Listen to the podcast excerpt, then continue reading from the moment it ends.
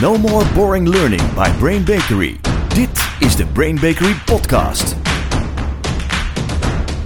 Aflevering 3 van onze podcast No More Boring Learning. Hartelijk welkom iedereen. En deze aflevering heet No More Boring Onboarding. En ik ben hier weer samen met mijn collega Shana. Hallo. Hi. En met Jordi. Ja, goedemiddag. Ja, en je, ik wil het gelijk hebben over het woordje onboarding. Uh-oh. Ehm Japke D., columnist bij de NRC, eh, praat altijd en schrijft altijd over jeukwoorden, waar mensen last van hebben. En ze heeft eh, ge- gekeken op Twitter en daar heeft ze wat uitgevraagd. En het meest afschuwelijke woord van 2019, komt hij aan, is onboarding. Onboarding. Oh nee. Ja. Ja, en ik ben benieuwd, wat vinden wij daarvan? En wellicht komen we er later nog wel even op terug. ik denk wel dat we daar eh, dat we daarop terug gaan komen. Want ja, eh, we gaan het toch over hebben. Over onboarding. Eh, uiteraard wel Sorry, vanuit... Japke D. Ja, ja, uiteraard wel vanuit onze context. En eh, ja, ik kan me namelijk voorstellen dat er nu luisteraars zijn die denken: ja, ik, ik kan dat dus, ik kan dat woord niet meer gebruiken. Moet ik überhaupt nog aan onboarding doen? Eh, moet ik het dan leuker maken of niet? Dus we gaan eens even op onderzoek. Dus Sjaan als eerste, want onboarding is een, is een groot algemeen begrip. Ja. Kun je ons het meenemen in wat, wat is dat nou precies, dat onboarding? Ja, heel goed. Onboarding varieert echt van... Heb ik de werkplek klaar voor als iemand begint? Krijgen ze dan ook nog een bosje bloemen? Weet de leidinggevende ook nog dat iemand zijn eerste dag gaat hebben op die dag? Dus het heeft heel erg te maken met het verwelkomen van de nieuwe medewerker. Maar, en daar zitten wij wat meer op, hè, vanaf de leerkant, he- heeft het ook heel erg te maken met hoe zorg je dat iemand snel zijn weg weet in de organisatie. Snel niet meer afgeleid wordt door ik ken al die namen nog niet of welke afdeling is waar verantwoordelijk voor. Maar ook wat moet ik functie-inhoudelijk allemaal kennen en weten. Uh, dus hoe ga ik zorgen dat ik eigenlijk zo snel mogelijk succesvol ben in een baan? Want als je nieuw bent in een baan, dan wil je het gevoel hebben, ze vinden het fijn dat ik er ben. En je wilt zo gauw mogelijk laten zien, en ik kan ook wat, ik draag bij, ik doe iets. Ja. Um, dus onboarding is eigenlijk het hele spectrum van hoe ga je het eerste contact hebben nadat je aangenomen bent? Uh, wat voor mailtjes krijg je dan? Krijg je dan iets thuisgestuurd? Hoe gaat dat? Na je eerste dag krijgt je vrouw bloemen. Bedankt dat we hem zo lang of haar zo lang mogen lenen. Of hoe werkt dat? En dan kom je op je eerste dag en dan ga je dan ook iets leren. Wat heb je allemaal nodig? Krijg je dat? Zit je in trainingen? Hoe gaan we zorgen dat jij zo gauw mogelijk het lekker hebt bij ons, maar ook lekker performt? Kijk, dus het is een relationeel aspect. Hè? Ben je part of us? Ja. Hoor je bij ons? Goeie. En performance onderdeel. Juist. En wij ontwerpen onboarding trajecten voor klanten, maar we komen natuurlijk ook bij heel veel bedrijven langs waar zij zelf onboarding trajecten hebben. Dus wij zien best wel veel wat daarin gebeurt. En ja, nu hebben wij daar een lijst gemaakt met dingen die niet zo lekker gaan. En die Ja. best wel vaak niet zo lekker gaan in onboarding trajecten. Ja. Dus we zien hebben, echt wel vreselijke Ja, dingen. Dat ja, klopt. ja. Ja. Dus we hebben voor jullie een eh, lijst gemaakt met de vijf meest gemaakte en meest voorkomende fouten die wij eh, zien eh, in organisaties als het gaat op onboarding. Ja, en dan met name het trainingstuk rondom Ja, ja onboarding. inderdaad, het trainingsstuk. Dus het gaat niet over of het account van de computer werkzaam is, maar over het uh, Dat gaat overigens aspect. ook vaak fout. Ja, dat gaat, ja, ja. Maar daar gaan we het Ja, niet over En dat hebben. gebeurt wel vaak in een training en dat is dan ook wel weer, Mhm. ook wel weer ellende. Uh, maar we gaan het hebben over, over het trainingsgedeelte van onboarding, de meest vijf gemaakte fouten. Dus ja, mensen, nummer één. Sjane, neem ons mee. Nummer één fout die we vaak zien. Ja, wat, je, wat handig is om te weten vanuit opleidingskundig perspectief, is dat iemand die op zijn eerste dag binnenkomt, die heeft dan zijn synapsen in zijn hersenen, zijn brain, die, dat is echt super aan. Die staat echt helemaal aan, die wil alles weten, die wil alles meekrijgen. Eigenlijk op dat moment kun je het beste leren ter wereld. Ja, zit helemaal op het puntje van zijn Ja, stoel. Er is nog weinig comfort, er is geen paniek.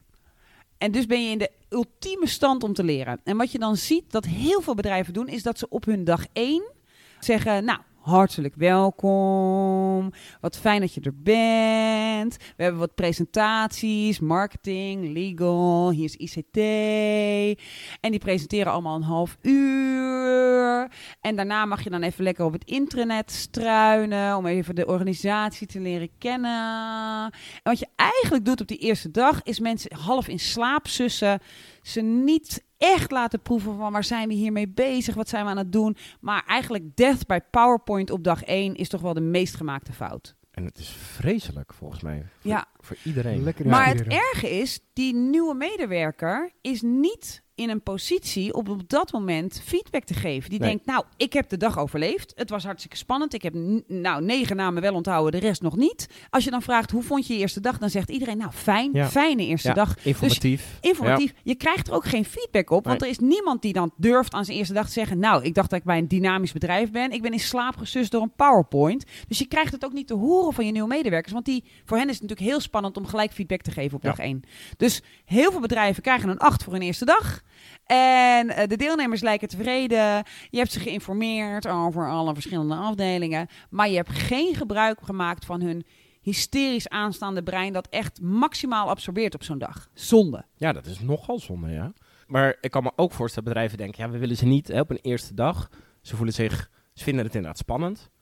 Dus willen we ze niet meteen een soort van overrompelen met allemaal heftige dingen. Ik, ik kan me voorstellen dat ze zo denken dat ze daarom misschien deze strategie kiezen. Ja, maar, maar die is dus opleidingskundig gezien echt niet slim. Opleidingskundig Nee. gezien is het niet slim. En ik denk dat als jouw bedrijfscultuur is, we kabbelen en eh, we kijken een beetje naar presentaties, dat het perfect past. Want je wilt een match maken op die eerste dag met Ah, wat ja. voor soort bedrijf zijn we. Hoe, hoe gaan we om met presteren? Hoe gaan we om? Dat wil je al laten voelen en laten ervaren op die eerste dag. En dat wil je niet pas laten ervaren. Nou, je hebt nu een weekje mee mogen kijken. Boom! Nu moet je presteren. Waar blijven je sales targets? Hier zijn je targets. Als dat verderop komt, zou ik dat naar voren halen. En Ja. dat is een fout die we ook veel zien. Ja, ja, daar gaan we zo nog eventjes dieper op in. Ja. Oké, dus op dag 1 zeg je eigenlijk, begin met, laat ze gelijk leren. Juist, Dat is nummer 1. Ja. Laat ze gelijk leren. omdat die hersenen maximaal Ja, aanstaan. precies. Ja. Top. Goed, we gaan naar eh, nummer 2 van de fouten die wij veel tegenkomen. En nummer 2 is dat er of helemaal geen einde is aan het traject. Dat, dat er gewoon, ja, je doet maar wat en op een gegeven moment ben je gewoon aan het werk. Of dat er wel een einde is, maar dat er niks van afhangt. Dat er een soort geen eindpitch, geen eindproef, geen iets van bekwaamheid is. Dat het maar op een gegeven moment ophoudt.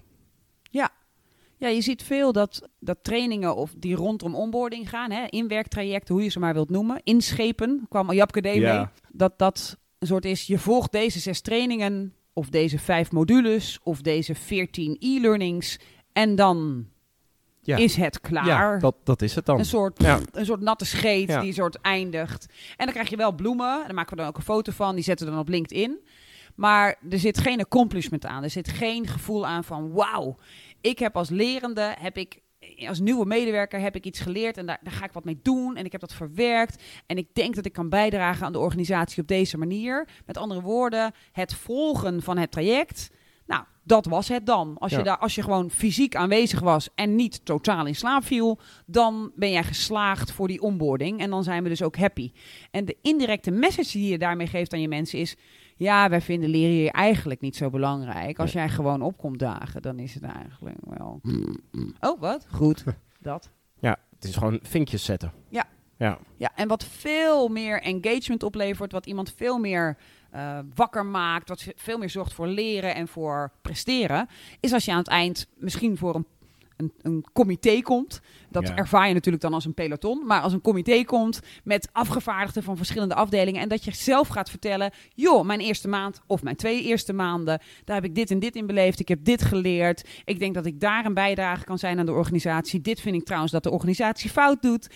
Uh, dit heb ik beleefd. Ik vind mezelf goed genoeg om nu door te gaan voor de volgende stap. Als je die teruglegt bij die lerende, zeker in die onboardingsfase, dan ga je veel grotere bijdragen van ze krijgen. Ze Ja. gaan zich veel meer bemoeien met je bedrijf. Er komt, ontstaat veel meer waarde. want we weten natuurlijk ook dat als jij zelf het gevoel hebt dat je, zullen we zeggen, aan iets kunt sleutelen, dat je aan iets kunt bouwen. Het is een van de cognitieve biasen die we kennen. Dat je zelf ook een veel waardevoller gevoel eh, ervaart. Zeg ik dat zo ja, goed? ja, die IKEA-bias wordt hier in de volksmond ook wel genoemd. Hè? Uh, als je zelf het krukje in elkaar hebt gezet en je zet het naast een krukje dat jij niet in elkaar hebt gezet, dan denk je als mens, nou, dat krukje wat ik in elkaar heb gezet, Ja, dat is echt 13 euro Veel meer waard ja. dan dat andere krukje. Zeker. Hè, dus het, het zelf bijdragen aan iets maakt veel meer creativiteit los en dat, dat soort dingen.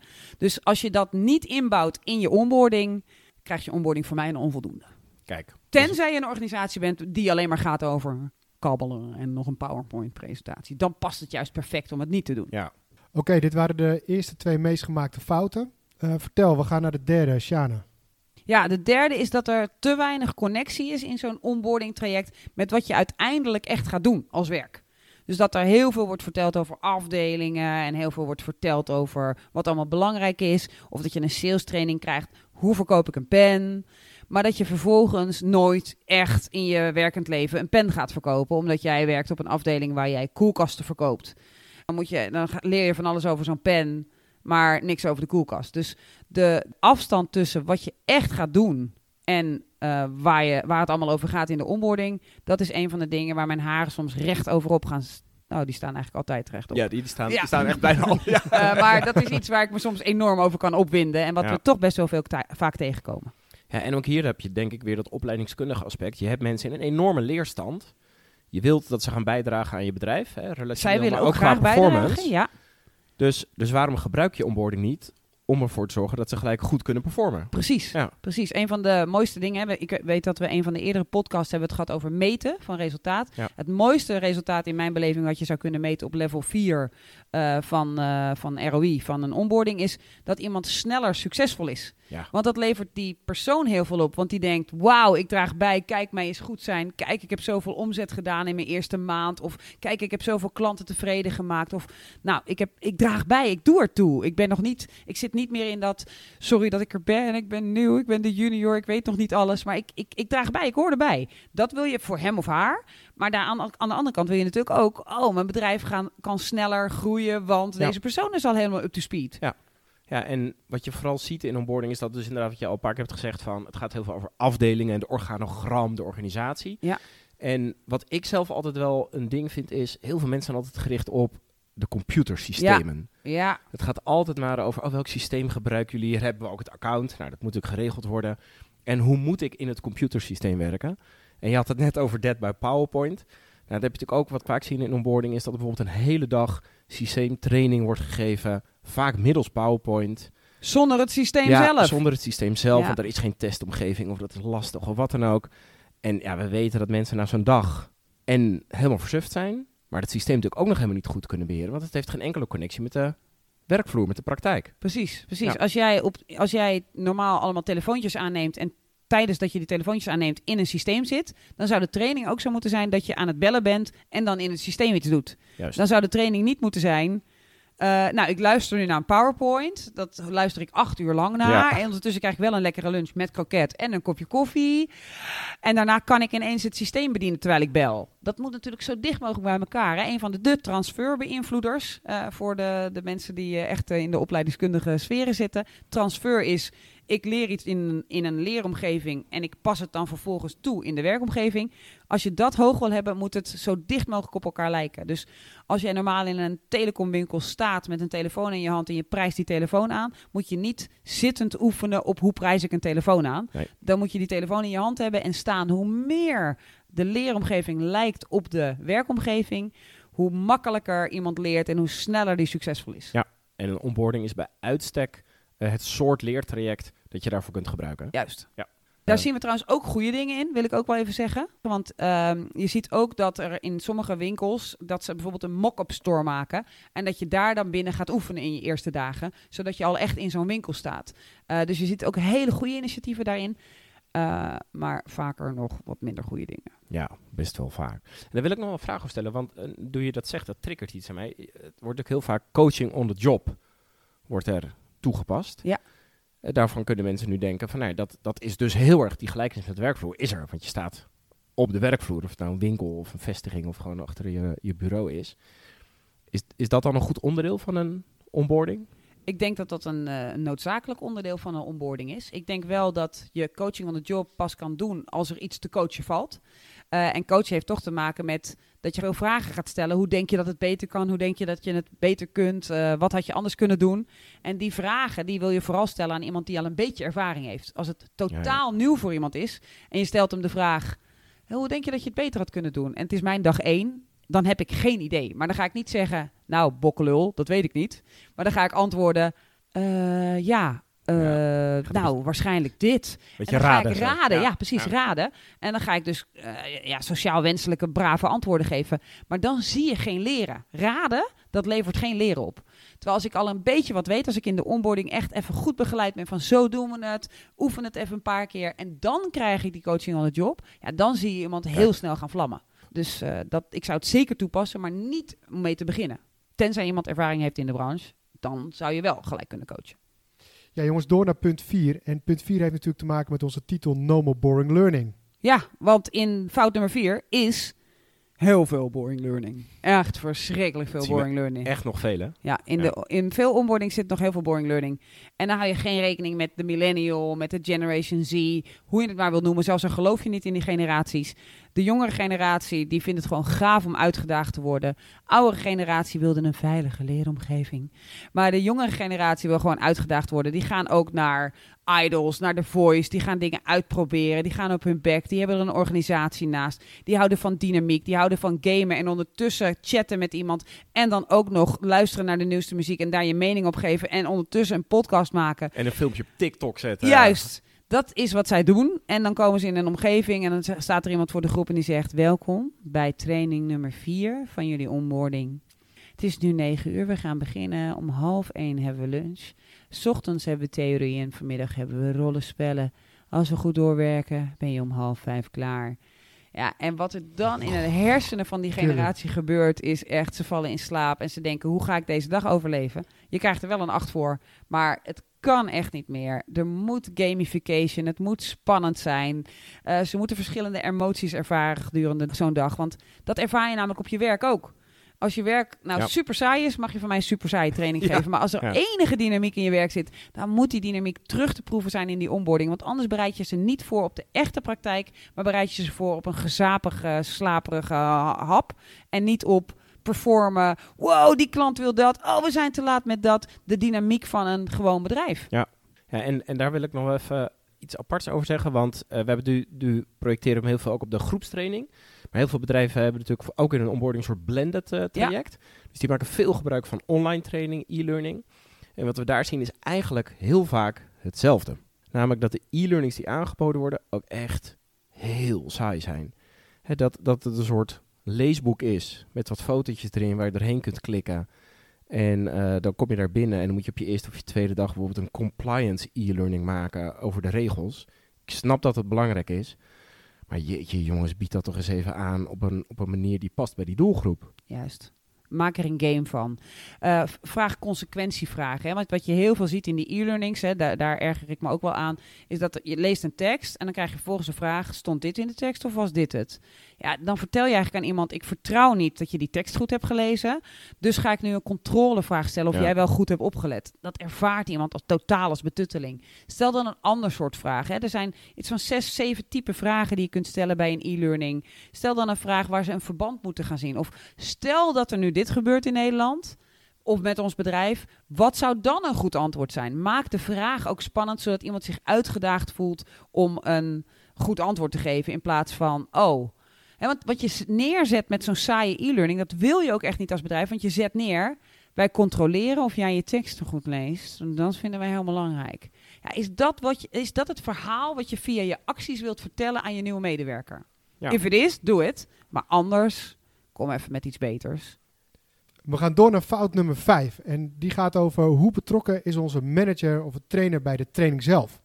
Juist. Ja, wat je veel ziet is dat een onboarding traject voor een groot deel wordt gegeven door de manager zelf of door de teamleider. Maar ook af en toe dat er een trainer in voorkomt of iemand, een expertrol, die iets uitlegt over een systeem. En wat je vaak ziet is dat die eh, leidinggevende is dan op die dag dat, die bij, dat iemand bij een, een, in een klasje zit, is hij hem kwijt. En dan weet hij eigenlijk, weet die leidinggevende niet wat er gebeurt. En dan komt die persoon de volgende dag terug en die, die leidinggevende zegt dan, oh, ja, waar was je? Oh, je was op training. Nou, ga nu maar gauw weer aan de slag. Of, Oh. nog erger, dan zegt die leidinggevende, hé, hey, had je gisteren een vrije dag? Dus met andere woorden, die leidinggevende weet vaak niet eens waar is mijn medewerker op dat moment of waar is hij mee bezig. En als zo'n leidinggevende niet na afloop vraagt, joh, wat heb je geleerd? Eh, wat ga je nu toepassen? Waar kan ik je in laten oefenen? Wat heb je nodig van me vandaag om datgene wat je geleerd hebt goed toe te passen? Ja, dan gooi je eigenlijk gewoon enorm veel geld weg en Ja. energie. En je vertelt aan je deelnemer, aan je medewerker, I don't give a flying fuck about what you did today. Nee, dus, dus je geeft de boodschap, ik geef niet om die ene dag, maar ook gewoon om leren in het algemeen. Dat is ook gelijk de boodschap, hè? Juist. Dus hij is, hij is nog schadelijker dan je alleen maar zou kunnen denken op die ene dag. Ja, en hier hebben we heel veel discussies over met trainers en L&D'ers en HR-afdelingen. Want die zeggen, ja, die leidinggevende, die moet zijn verantwoordelijkheid pakken. Die moet vragen, wat doe je dan die hele dag? En die leidinggevenden zeggen, luister, ik loop hier de boel draaiende te houden. Ik heb het super druk. Informeer mij eens even en help mij dan. En ik weet dat ik vroeger heel erg zat aan de kant van, nou, die leidinggevende, die moet toch geïnteresseerd zijn in wat we met doen met die deelnemer, met die medewerker. Uh, maar dat ik de laatste tijd veel meer denk, wij moeten verantwoordelijkheid nemen Ja. dat we die manager goed informeren. Dus Ja. we doen nu ook soms inschieten in Outlook-agenda's. Stel deze vragen bijvoorbeeld vandaag aan je medewerker, zodat zo'n leidinggevende gepusht wordt dat wij hem, hem informeren. Wat zou je kunnen doen met je deelnemer, met je medewerker, om hem nog succesvoller te maken? In plaats van dat wij zitten, nou, nou, nou, die leidinggevende doet helemaal niks. Kijk, en zo zijn we bij de vijf grote fouten in het eh, geval van onboarding. En deze vijf fouten creëren dus een heel erg boring onboarding. En als we ze allemaal eens even bekijken, hè, dus je hebt, je hebt op dag één soort dat kabbelende welkom. Je hebt geen, geen eindpitch, je hebt die soort die natte wind waarmee je onboarding eh, eindigt. We hebben natuurlijk, eh, er is geen connectie met de werkvloer. We doen aan boring learning. Het gaat vooral heel Geen erg kabbelen. Geen gamification, geen, geen strijd, geen doelen, geen, resultaten. En eh, we hebben de, de geringe betrokkenheid van de, van de leidinggevende of van de trainer, of die combinatie van die twee. Ja, dan, dan als we hem een soort samenvatten, als we hem even plat slaan, dan zeg je, ja, wat, wat vertel je dus als bedrijf over jouw bedrijf met je onboarding? Ja. Ik denk dat dat soort de basis is. Ik, Ja. ik zou echt willen dat alle bedrijven dachten hoe iemand onboordt. Zowel dat stuk waar we het aan het begin over hadden, hoe we hem verwelkomen met cadeautjes en leuke dingen. Als hoe we je begeleiden om succesvol te worden in je baan. Dat die twee je visitekaartjes zijn naar je die nieuwe persoon toe. Want die gaat veel succesvoller worden, veel meer bijdragen als je dat goed doet. Versus, nou ja, we hebben toch een traject, je wordt toch ingewerkt. Eh, dat is echt zonde. Ja. En, eh, en, en, en, het, en het kost niet heel veel meer om het echt heel leuk te maken. Nee. Dus in plaats van heel functioneel en vakinhoudelijk naar zo'n onboarding te kijken, welk verhaal wil je nieuwe Ja. mensen vertellen? Ja. Wat is het verhaal van onze onboarding? Ja, ik weet van een ziekenhuis die nu in een onboarding heel erg eh, patiënten aan het woord laat. Waardoor het veel reëler wordt wat je allemaal aan het doen bent. Dan dat je achter de schermen alleen maar bezig bent met: oké, dan doen we die handeling, doen we die handeling. Dit is belangrijk, daar ligt dit. Eh, dat moet je ook allemaal weten. Hè? Dus daar moet ook Ja. aandacht voor zijn. Maar als je, als je dat anderen erbij kunt betrekken, als je het spannender kunt maken en ook echter. Ja, dan vertel je veel leuke verhalen over je bedrijf. Want dit ziekenhuis Ja. vertelt aan zijn, aan zijn medewerkers in week 1: wij luisteren naar onze patiënten. Ja, dat is wel een hele mooie boodschap. Juist. Ja, een van onze vaste rubrieken, de Epic Fail. Dit is een epic fail. Sjana, kom er maar in. Ja, de epic fail eh, van deze week gaat over een organisatie die had mij gebeld van joh, kan eh Brain Bakery eens komen kijken naar hoe we onze onboarding doen. Die dachten van, het is wel erg functioneel, is het wel leuk. En het meest trots waren ze op een van hun dagen die ze er ook in hadden gestopt en dat was de dag emotionele intelligentie. Oh. Eh, die dag scoorde ook, hè, ik kreeg alle cijfers, hè, de, eh, hoe wordt die dag geëvalueerd. Die scoorde ook ruim acht. Mensen waren daar blij mee.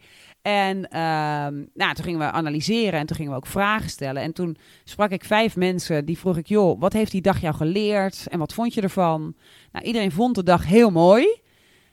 En toen vroeg ik, en wat doe je ermee? En toen Oeps. bleef het akelig stil. Ja, eigenlijk helemaal Oh. niks. En toen zei ik, waarom denk je dat die dag erin zit? Ja, dat vindt het bedrijf belangrijk. Maar er kwam eigenlijk verder niks uit. Oeh. Ja, dus, dus, dus het, eh, ja, heel mooi dat je het erop zet. Want emotionele intelligentie is de toekomst. Alles gaat naar robots. Eh, alles wordt steeds digitaler. Dus Ja. emotionele intelligentie is super belangrijk. Maar je wil wel dat de Geen mensen context. snappen waarom je het doet. Ja. En waar, hoe je dat dan toe moet passen. Dus we hadden heel erg geoefend met een acteur. Er zaten allerlei testjes in en vragen in. Dat je kon kijken hoe emotioneel intelligent je was. Maar niemand snapte wat je ermee moest. Ja, dat vond ik wel echt een epic fail. Zeker weten. Ja. Absoluut. Zo zonde. Ja, terug naar Japke D. Eh Japke D, het meest afschuwelijke woord van 2019, onboarding. Ja, en ik ben heel erg benieuwd, kan het woord onboarding nog? Ik wil dat jullie gaan stemmen. Kom maar door. Ik ben Ik ben voor. tegen. Ik ben ook voor. Oh. Oeh, Jan-Peter, jij bent tegen. Vertel, Ja. waarom ben je tegen? Ja, er, moet, er moet een beter woord voor zijn dan onboarding. Kan niet anders. Ja, maar inwerken is het ook niet. En in de Nee. schepen waar ze mee kwam, vond ik ook echt wel een Nee. beetje krankjoren. Ja, Nee, dat ik is snap het, dat je dan tegen Ja. Engels bent, dus dat je dan zegt, nou maak het dan in elk geval de Nederlandse versie. Ja. Maar inschepen klinkt ook echt als de scheepsjongens van de Bolte Koe. Ja, oh ja. Eens. Nou, anders, totdat we een beter alternatief hebben gevonden, houden we hem op onboarding. Oké, Yes. maar laten we dan wel op zoek gaan. Ja. Mochten mensen eh, Ja. eh, die Ja. luisteren zeggen, ik heb een idee, knal het naar hello@brainbakery.com. Dan gaan wij dat enorm promoten. En dan gaan we een poll opzetten. Want we kunnen inschepen van Japke D verslaan. Dat voel ik. Ja, dat Hoewel moet ik ook moet. veel moet. liefde in mijn hart voel voor Japke D. Goed. Sjane, Jordi, we gaan eh, afronden. Dat betekent dat we aan het einde komen. Sjane, bedankt. Graag gedaan. Jordi, bedankt. Graag gedaan. Dit was eh, aflevering 3 van onze podcast No More Boring Learning. En die ging over No More Boring Onboarding. Volgende week gaan wij het hebben over complimenten. Want complimenten maken meer kapot dan je lief is. Wil je er meer over weten? Luister volgende week naar ons. Bedankt voor het luisteren. Tot de volgende keer. No more boring learning. Dit was de Brain Bakery podcast. Wil je meer weten? Kijk dan op brainbakery.com of volg ons op onze socials.